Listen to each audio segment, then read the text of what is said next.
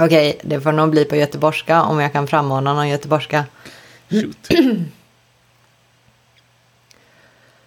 Vad dricker programmerarna när de ska ut och flyga? Jag vet inte. Bärs på terminalen. Va? Jaha. Gud, jag inte fattade först, för jag tänkte att, jag tänkte att skämtet skulle vara bärs. Alltså, att det var det som var hela grejen. Men, men sen när terminalen kom också, så eh, okej, okay, jag, är med, jag är med. Det var ändå bra. Det var bra. Det är ju bärs, bärs i terminalen. På Ja, terminalen. exakt, exakt. Eh, jag kopplade bara inte bärs, bärs, så att säga. För jag tänkte bara på det och utan terminalen. Ah, ja, skitsamma. Eh, bra start, känner jag idag. Trots att vi, Ja. vi spelar in remote för första gången. Jag vet inte om man ska avslöja sånt här, för det kanske påverkar folk som lyssnar. Ja, Jag vet inte. Det är spännande. Det kan gå hur som helst känns det som. Det kan gå hur som helst. Eh, vi borde ta det här tillfället i akt att liksom dricka en liten drink samtidigt eller något. Men vi tar det nästa gång. Ja, Eh, det. vi säger väl välkomna till eh, ASDF eh, avsnitt någonting, någonting. Eh, Ehm, ja, idag så funderade jag på eh, vad vi skulle prata om. Så, jag tänkte att vi kanske kunde prata om, jag läste precis ut en bok som jag lånade av dig. Som heter Technically Wrong. just det. Och ehm, jag har verkligen glömt bort författarnamn och allt möjligt. Men eh, det kommer Anton länka sen. Det, Eh, Det handlar i alla fall, ja, det handlar i alla fall om eh, ja, men teknik och teknikens utveckling och de saker som tekniken kan ha missat i sin utveckling för att den utvecklas till stor del av en väldigt homogen grupp. Och ja, vad som kan ske, vilka utmaningar som finns och hur det påverkar den stora massan av människor som faktiskt inte är så homogen som kanske eh, de som skapar tekniken har varit traditionellt. Eller inte traditionellt, men nu för tiden. Mm. Nej, men exakt. Ja, jag har ju också läst den här boken fast det eh, var ett tag sedan nu. Det måste ju vara nästan ett halvår sedan eller något. Lite mer kanske till och med. Eh, och tyckte också den var bra. Den kanske inte är så riktad till utvecklare egentligen, känns det som. Nej, det känns mer som att den är riktad till resten av massan liksom. Ja, men exakt. Så att man ska liksom få en förståelse för liksom, eh, vilken påverkan ändå teknik har på de här eh, ämnena. Eller liksom, ja, det här perspek- perspektivet. Ja, den är ju också från några år sedan, typ 2017 eller någonting. Och saker har ju skett sedan dess, men den tar ju upp ändå väldigt intressanta saker som är relevanta nu mer än någonsin, skulle jag säga. Ja, jag, jag har nog svagt minne av att, eller den boken, eller blandade ihop det här med någon annan bok kanske, att det är något stycke där de pratar om så här, jag hoppas det har blivit bättre. Eh, ja, det vet jag inte. Jag kanske blandar ihop den här med en annan bok som heter So you wanna talk about race. Eh, för jag läste dem typ samtidigt, så det kan vara därför. Men Mm. jag har för mig att oavsett vilken bok det är så pratar de om så här, ah, jag hoppas det är eh, om tre år eller något när 2020 är här, att det är bättre då. Och så ser man på allt runt omkring och det är mycket sämre. Ja, men kanske de pratar om presidentvalet som precis skedde då, 2016. Och det, det har ju ändå ändrats nu, precis. Ja, men exakt. Ja, det är ju väldigt, väldigt, väldigt nytt och fräscht så att säga. Mm. Men ja, i alla fall liksom, content, alltså grundinnehållet skulle man väl ändå kunna säga att det är ju problematiskt att det är en förhållandevis homogen grupp. Och med homogen grupp så menar jag ju i stor del vita män.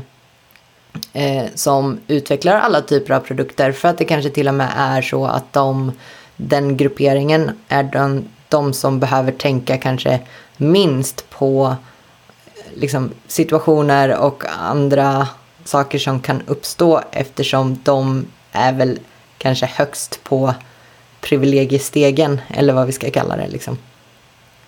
Ja, men precis. Och det blir ju... Ja, det, det, det får en ju direkt att komma in på och fundera på varför ser vår bransch ut som den gör? Det är, det är ganska intressant, för vi pratade om det förr. Det visste vi ju att det var ju kvinnor som programmerade, för det var ju ett väldigt kvinnligt yrke när det kom. Ehm, de var ju miniräknare och programmerare och datorer liksom. Allting exakt. vändes... Det kom ju liksom från, alltså så här, man gick typ från att vara sekreterare till programmerare typ. Ja. Eh, Det vändes ju upp och ner när det kom datorer till hemmet. Mm. Eh, pratar man ju om historiskt för att det var så att de liksom marknadsfördes till eh, män och pojkar. Och där vände ju allting och programmering och eh, utveckling blev ju ett manligt yrke liksom. Ja, men exakt. Det är ganska sjukt att tänka på. Det finns någon, jag vet att det finns någon eh, så här graf över typ andelen kvinnliga utvecklare eller kvinnliga programmerare kanske. Eh, och det är så tydligt liksom att det är först en stor majoritet som är det och sen att det sjunker till liksom nästan inga nivåer alls. För att, ja, men nu ändå vara lite på väg uppåt igen, även om det inte alls är på samma nivå som tidigare. Ja, det är intressant för jag hörde ett snack, eh, eller en paneldebatt där Melinda Gates ingick. Där hon pratade om att när hon gick på utbildningen, eh, computer science-utbildning, det var liksom piken, var, var det 80-talet någonstans? Det var piken av kvinnor, eh, om vi, ska, om vi nu ska säga en annan grupp som är kvinnor liksom för tech. Eh, och det var piken av så många som utbildade sig då. Sen dess så har det bara gått neråt. Tills det stagnerade någonstans här för några år sedan tror jag. Mm. Ja, nej, jag tycker det är eh, jävligt, alltså. Jag, eh, så här, det är svårt att förstå, alltså bara. Ja, man förstår ju att det är så. Det är liksom så här, det, det gör man ju inte. För att det finns ju liksom så mycket som vägs in i det. Alltså det är som på ett liksom så pass strukturell nivå. Att det är liksom svårt att säga att ja, det är på grund av det här. Ja. Och det är också... Jag skulle vilja säga att det är den lågt hängande frukten att, att dela upp det i kvinnor och män också. Ja, För att det är ju så mycket större egentligen och jag menar om man ska se det till homogena grupper, säg att det skulle bli en fördelning 50-50 mellan kvinnor och män. Om alla fortsatt då skulle vara vita människor så skulle det också vara en väldigt homogen gruppering som eh, skulle missa kanske ganska mycket andra saker. Liksom. Ja, men exakt. Och, eh, för det är liksom en ganska viktig del i det här att det är väldigt lätt att när man pratar om kvinnor så pratar man om ja, men vita eh, kvinnor. Eh, som också liksom är en ganska eh, en grupp med makt ändå, så att säga. Mm. Eh, och det är ju liksom, alltså, ska jag, säga, jag har ju lärt mig jävligt mycket senaste typ året kanske främst, eller senaste två åren i alla fall, eh, om det här. Alltså till exempel ur den här boken som jag nämnde tidigare, So You Wanna Talk About Race. Eh, och liksom intersektionalitet är liksom ingenting jag har tänkt på tidigare, det vill säga alltså att du kan liksom både vara privilegierad och drabbas av andras privilegier, så att säga. Ja. Det är ju... Det är det som är så intressant också, för det är så många när man börjar prata om det här ämnet, det är, blir väldigt så här svartvitt. Det är så här, antingen så finns det till exempel kvinnor inom tech eller så gör det inte det. Men man har inte en tanke på hela de här bitarna. Och det blir också på något sätt som att jag tänker att vissa kan känna att det blir som en attack på dem. Kanske på de som befinner sig i yrket och, och, och sådana saker. Men de facto är ju att, det, som man säger ofta, att det, eh, det är inte det att vi säger att ditt liv inte kan ha varit jobbigt eller haft utmaningar när vi pratar om att du eller någon har privilegier, utan det vi säger är att, eh, det, att du har de här privilegierna avsaknaden av dem har inte varit bidragande till dina utmaningar. Så du har i alla fall sluppit den biten. Liksom. Ja, men exakt. För det är många som när man pratar om det här som tänker, ja men jag har jobbat hårt för mitt jobb, jag har eh, liksom slitit och jag har gjort det här och det, det, det här, liksom dittan och datten. Eh, och det har man ju säkert gjort. Eh, men det betyder ju då inte att andra kanske har slitit hårdare för att de också har behövt kämpa mot liksom, eh, rasism eller sexism eller liksom sådana saker. Ja. Så ja, det är ett, alltså det, ja. Jag, jag tycker det är lite ändå lite jobbigt att ta upp det här ämnet i podden, även om jag brinner väldigt mycket för det här ämnet. Men det känns rätt minerat ibland, som ett minerat område som man inte riktigt vågar trampa runt hur som helst i. Ja, alltså jag har ju hamnat eh, i den platsen att jag eh, vågar prata om det. Eh, men jag tror att mycket har att göra med att jag har ju liksom inte eh, drabbats av att prata om det på något sätt. Alltså i och med att jag kommer från en så pass privilegierad position som är liksom, ja men, vit, eh, man, svensk, eh, liksom bra utbildad, hög lön. Alltså så här, jag har ju så mycket privilegier så jag liksom drunknar i det nästan. Men eh, det gör ju också att risken för mig att prata om det här är ju minimal. Ja. Jag skulle vilja säga att risken är väl lite högre för mig. Ja, ja men exakt. Eh, och då liksom förstår man ju att du kanske liksom tvekar lite mer att, att ta upp det liksom i ett eh, publikt forum som det här är, även om vi inte är någon eh, liksom miljon, har någon miljonpublik. Eh, så blir det ju ändå liksom att man tar upp det i ett eh, öppet forum så att säga. Ja, men det där är ju ganska intressant, för om vi börjar prata också, okej, okay, om, vi, om vi tar exemplet det finns inte så många kvinnor inom tech, eller det finns inte så här, tillräckligt många, eller vad vi kallar det, för att liksom världens befolkning består hårt draget av 50 procent, eh, eh, ja, nära 50 procent, jag ska inte bara prata om binära kön, men alltså eh, det är inte så snedfördelat i världens befolkning mellan eh, kön kvinna man. Så att det borde vara så att det liksom är en av tio eller vad, vad det nu kan vara som jobbar inom den här branschen. För att det spelar ingen roll vilket kön du har, du kan fortfarande programmera. Mm.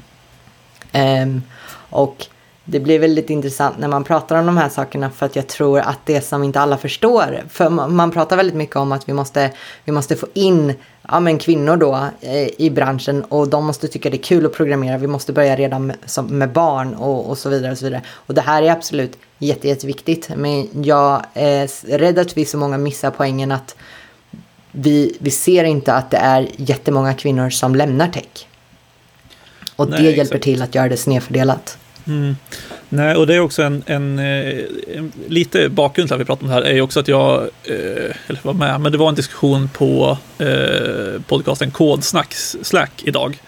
Eh, behöver inte ta upp det mer om det, men det var någon som nämnde i alla fall nu när du tog upp det här att eh, de eh, hade uppfattningen av att ganska många kvinnor liksom, eh, vad ska man säga, befordras ur utvecklarrollen. Eller liksom inte kanske bara befordras, men liksom att man gå vidare i karriären och då att man går ur utvecklarrollen oftare än vad män gör. Det vill säga att du som, mm. som kvinna helt plötsligt ska du vara teamlead och ta hand om teamet mer än vad du ska knacka kod. Ja. Ja, det där har jag också sett på många ställen och liksom varit med i diskussioner att det blir ofta så för att på något sätt så räknas du helt plötsligt som den mera omhändertagande i ett team kanske och då blir det så här, jo men du som är så bra på Eh, att se folk och höra folk och ta hand om människor. Borde inte du ta den här rollen? Det fixar du, det är bra liksom. Och man uppmuntrar snarare de, de typerna av sidorna hos kanske kvinnliga utvecklare än de, att hjälpa till att ge dem eh, ett tekniskt självförtroende som kanske saknas vissa gånger. Och det kanske också saknas på grund av miljö. För till exempel om jag går in och jag menar, jag har redan ett vokabulär som är väldigt osäkert, för jag är väldigt osäker. Vilket gör att jag kanske inte går in med så stor pondus och kanske inte med samma tydlighet i tekniska diskussioner som andra kanske gör. Och om jag då blir avbruten eller inte lyssnad på eller de, de jag får bara tillbaka att de förstår inte vad jag säger, de förstår inte vad jag menar, de avbryter mig det kommer ju aldrig hjälpa mig att få ett tydligare tekniskt självförtroende hur mycket teknik jag än kan. Men jag kan inte förmedla det. Nej, men precis. Och, och om man tittar på, jämför med mig då till skillnad som eh, tror att jag liksom ofta går in med ganska mycket pondus i mina åsikter, även om, alltså så här, det finns ju något riktigt kast uttryck som heter typ så här strong opinions loosely held som jag inte riktigt håller med om, men liksom det illustrerar ju att eh, jag kan ha ganska starka åsikter och jag, som vi talade om innan, riskerar ju ingenting med att ha det. Alltså så här, det är ju ingen som kommer döma mig för att jag har lite för starka åsikter. Visst att folk kanske inte liksom gillar mig för det, men det är liksom för mig personligen så är det ingen risk i det. Nej, jag är snarare livrädd för att ha fel. Mm. Eh, på ett sätt som inte så här, inte att jag har så stå, sårad stolthet att jag inte kan ha fel, utan för att det kostar mig mycket mer att ha fel hela tiden, kanske i ett team eller på, i mitt yrke på min arbetsplats. För att jag måste, då måste jag börja jobba nerifrån igen och så måste jag jobba upp det. Och, och, och så tappar jag varje gång någonting sånt händer. Ja, men exakt. Och det är liksom... Eh, jag vet inte, jag tycker det, det är så svårt att liksom också sitta och, så här och jämföra på något sätt. För jag kan ju liksom aldrig förstå din upplevelse helt och hållet. Så det enda jag kan göra liksom är att lyssna på något sätt också. Eh, medans för min del så är det liksom att jag är bara van med det, det jag har varit med om. Eh, vilket gör att liksom det är så svårt för mig att sätta mig in i att det är så här det är. Alltså jag har ju tänkt på det här i i många kontexter, liksom att eh, det tog ganska lång tid innan jag förstod liksom eh, ja, men det här uttrycket microaggressions, jag vet inte hur man ska förklara det, men, men liksom att det är lätt att se att ja, men, äh, det där kan du bara strunta i om det händer någon liten grej. Medans Mm. i själva verket är den där lilla grejen liksom bara en, en del av en liksom stadig ström av saker som händer hela tiden. Ja, Och det är liksom inte en upplevelse jag har, så det är svårt för mig att sätta mig in i när man liksom märker det från början att så här, ah, nu, det där hände, jag är uppmärksammad att det där hände, men äh, det kan man väl bara skita i liksom. Det hade jag gjort om jag var med om den där lilla grejen. Ja, det där är också väldigt vanligt och det pratar man om just det du säger, ja, men som microaggressions, det kan vara små saker som, som ingen annan märker eller som de inte ens själva märker att man gör. Liksom. Men eh, jag hörde en liknelse som var väldigt bra och det är att om du har ett system som du vill använda som användare och så hittar du en bugg som är relativt liten. Det kanske inte gör så mycket, du kanske jobbar runt den buggen och så fortsätter du göra det du ska. Men om samma system har hundra små buggar, alltså inte, inte stora, inte förödande buggar, men det är fortfarande hundra små jätteirriterande buggar, då kommer du inte vilja använda det systemet. Det kommer bli mycket mer energikrävande för dig att göra det. Nej, jag tycker den här liknelsen har du berättat för mig förut. Jag tycker den är så jävla bra för att förklara det här för utvecklare. Eh, Och det finns ju en hemsida som heter, kan den heta The World's Most Annoying Website eller något sånt. Eh, som är typ, alltså du går in och ska fylla in ett formulär, men du får liksom cookie pop-ups och du ska signa upp för nyhetsbrev och du ska, det är lite buggig validering på, på liksom inputfälten. Alltså det är så här, mycket sådana här små saker liksom. Eh, Men det är liksom svårt att ta sig igenom den hemsidan. Alltså det är svårt att liksom lyckas med uppgifter man ska göra. Och eh, liksom när du drog den här liknelsen så började jag tänka på den hemsidan, för det är liksom som en liknelse på att, ja men säg att det skulle vara livet. Att det är liksom Mm. det där fast med någonting annat som kan vara då rasism eller sexism till exempel. Eh, istället. Och jag tycker den liknelsen är eh, fruktansvärt bra. Ja, jag tycker också det när jag hörde den. Det var så on point och det är precis så det känns.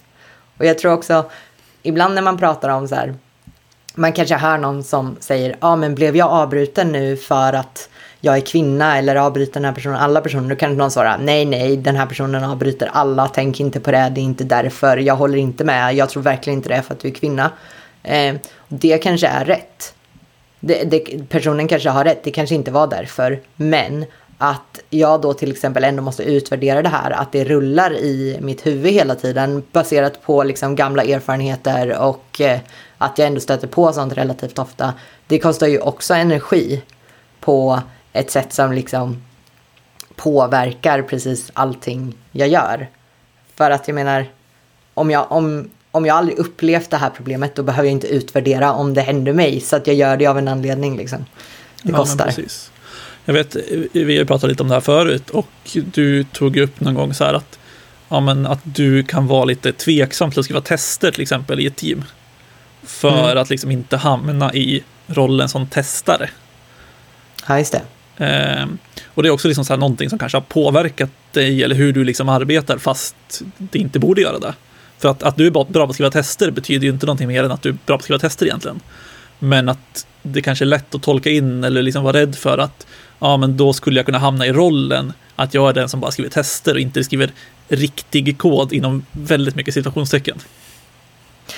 Ja, det är intressant för när man börjar tänka på det så har jag ganska mycket sådana saker jag inte vill göra. Om man tar de här vanliga kontorsgrejerna då. Jag vill, jag vill inte ställa upp och fixa fika om det inte är så här rullande schema. Jag vill inte plocka i och ur diskmaskinen på en arbetsplats mer som en principsak än att jag inte kan tänka mig göra det liksom.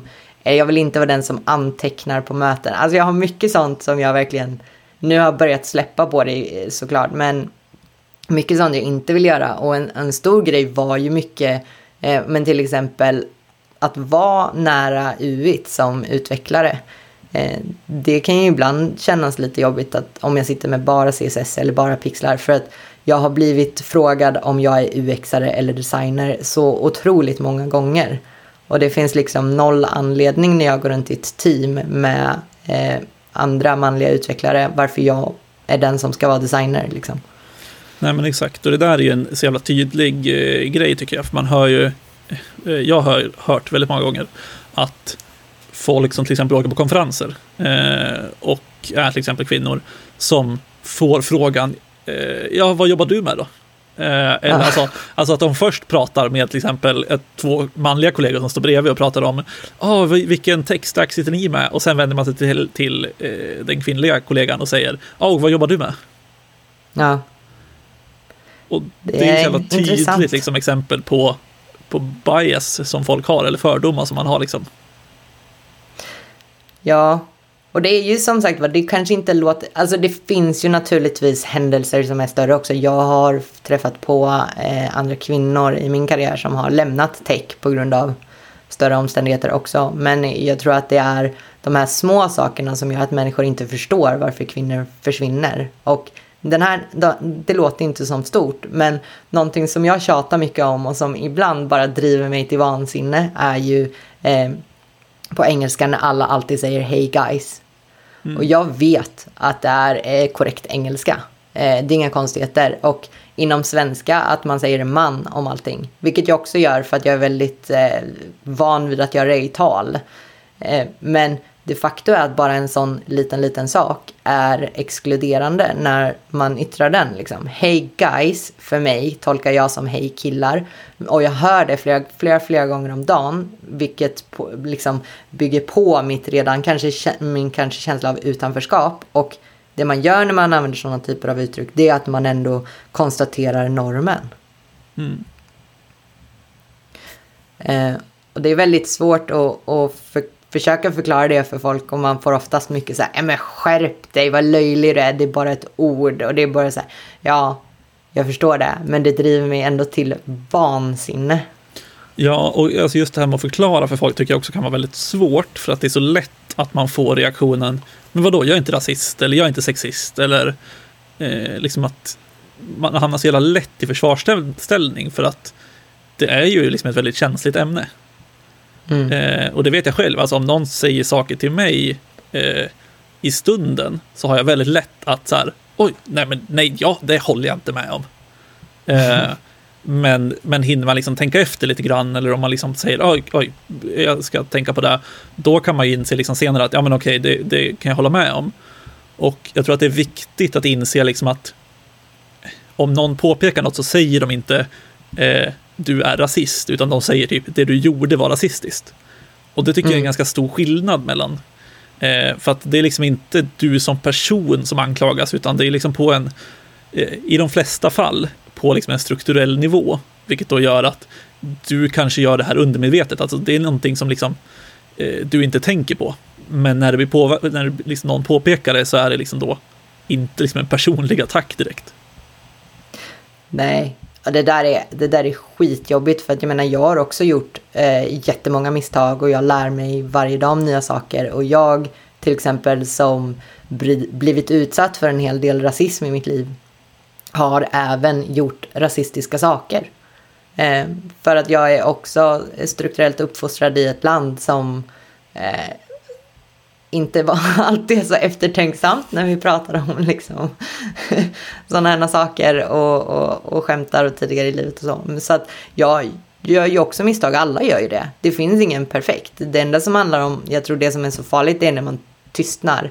Eller när man förväntar sig att marginaliserade eller minoritetsgrupper ska dra hela lasset. För att det, det finns redan så mycket annan skit för oss, eller för dem att dra liksom.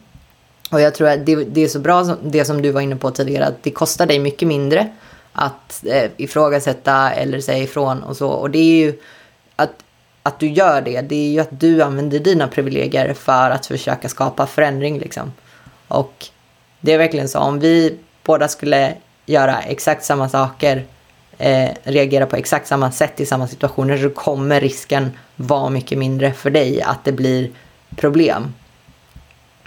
Eh, jag tror också risken blir mycket mindre att För det här är ganska vanligt att eh, om man har sagt ifrån eller det har hänt någonting, då blir det också så att då måste man liksom trösta eller ta hand om det som kommer efteråt. Den här svansen av nästan som biktning eller förklaringar hur en person inte har gjort fel eller hur jag har missuppfattat eller hur och det är också så här att lägga det den tyngden på personen som sa ifrån bara för att lätta sitt egna samvete liksom. Ja, exakt. Och det är också väldigt lätt att man eh, liksom börjar tänka att oj, men jag menade inte det så, eller jag menar liksom inte, det var inte min mening att såra dig, bla bla.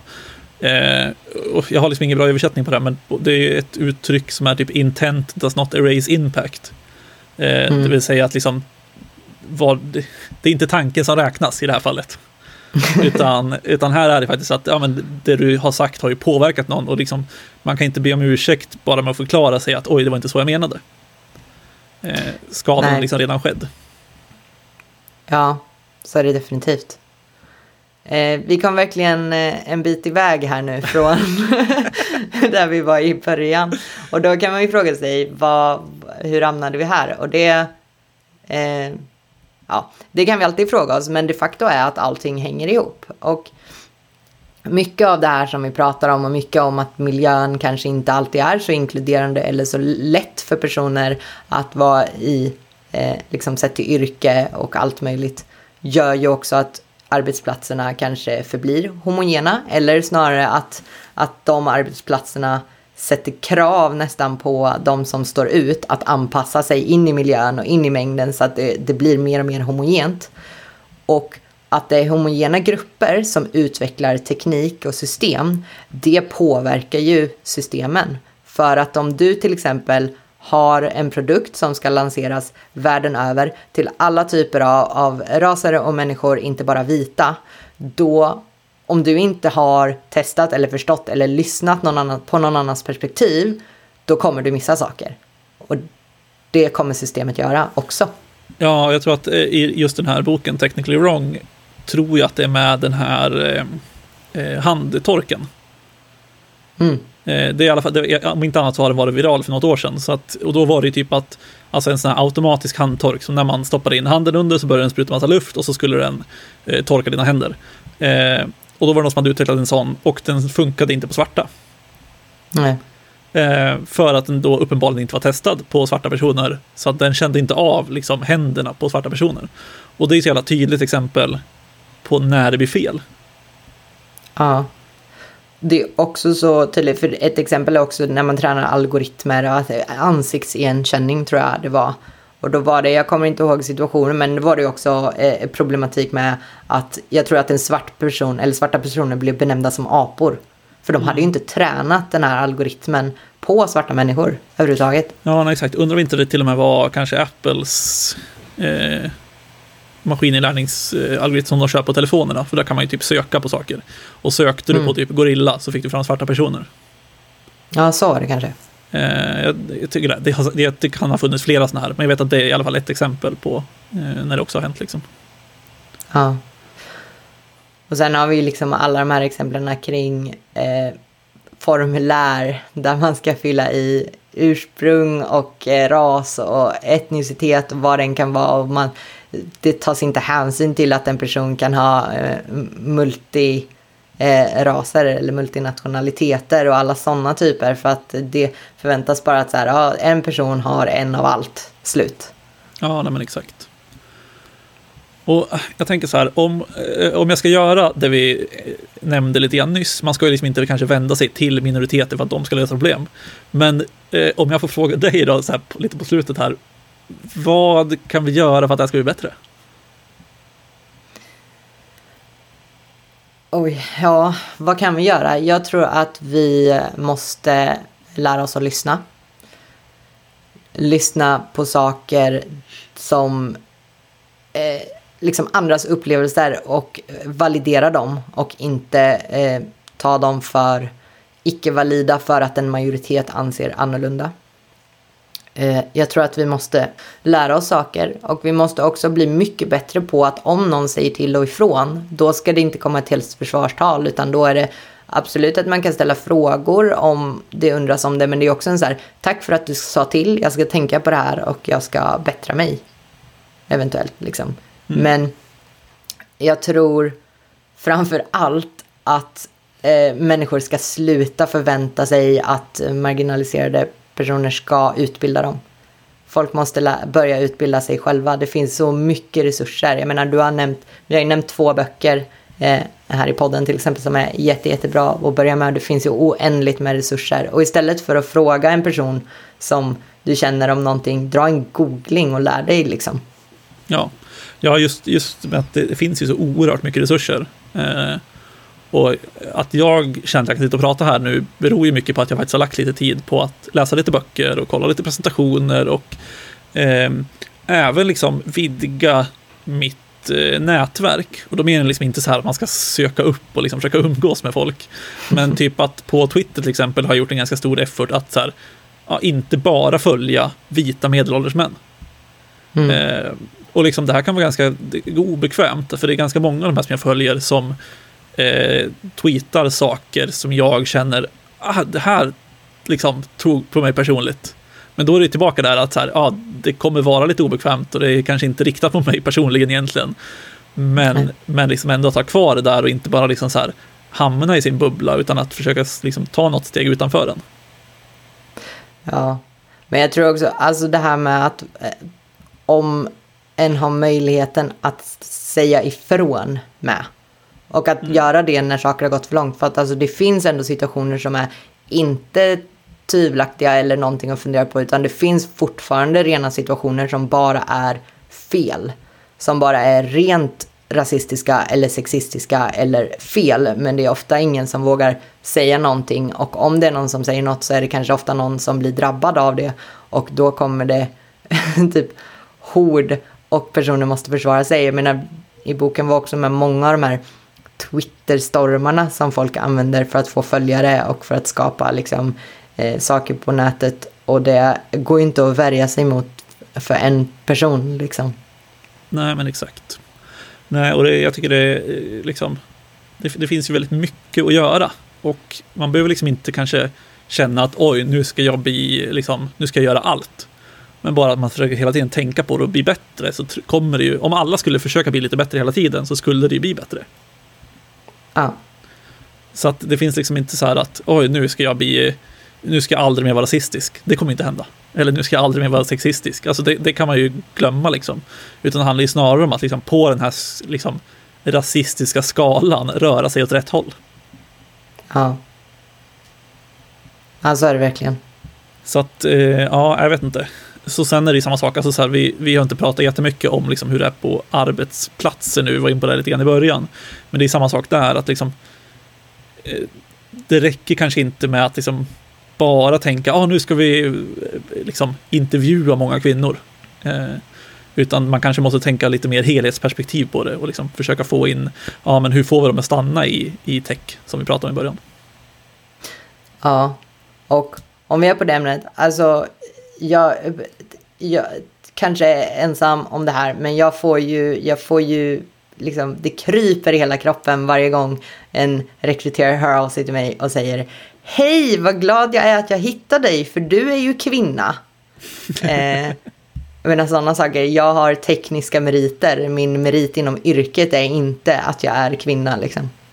Nej, exakt. Och det, det ska ju liksom inte handla om kvotering. För det är det som är mångas reaktion också. Att så här, men vadå, vi ska inte kvotera in kvinnor? Nej, det är väl, alltså det är ju ingen som frågar efter det egentligen. Alltså för ingen kvinna Nej. vill ju bli inkvoterad heller. Nej.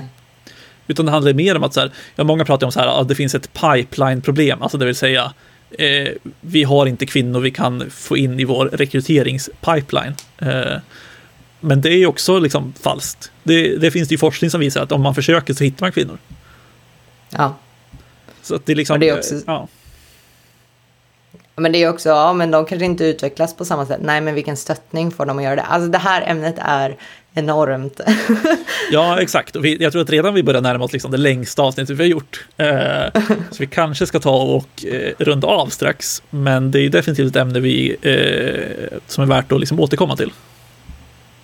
Ja. Eh. Hur läskigt det än må vara.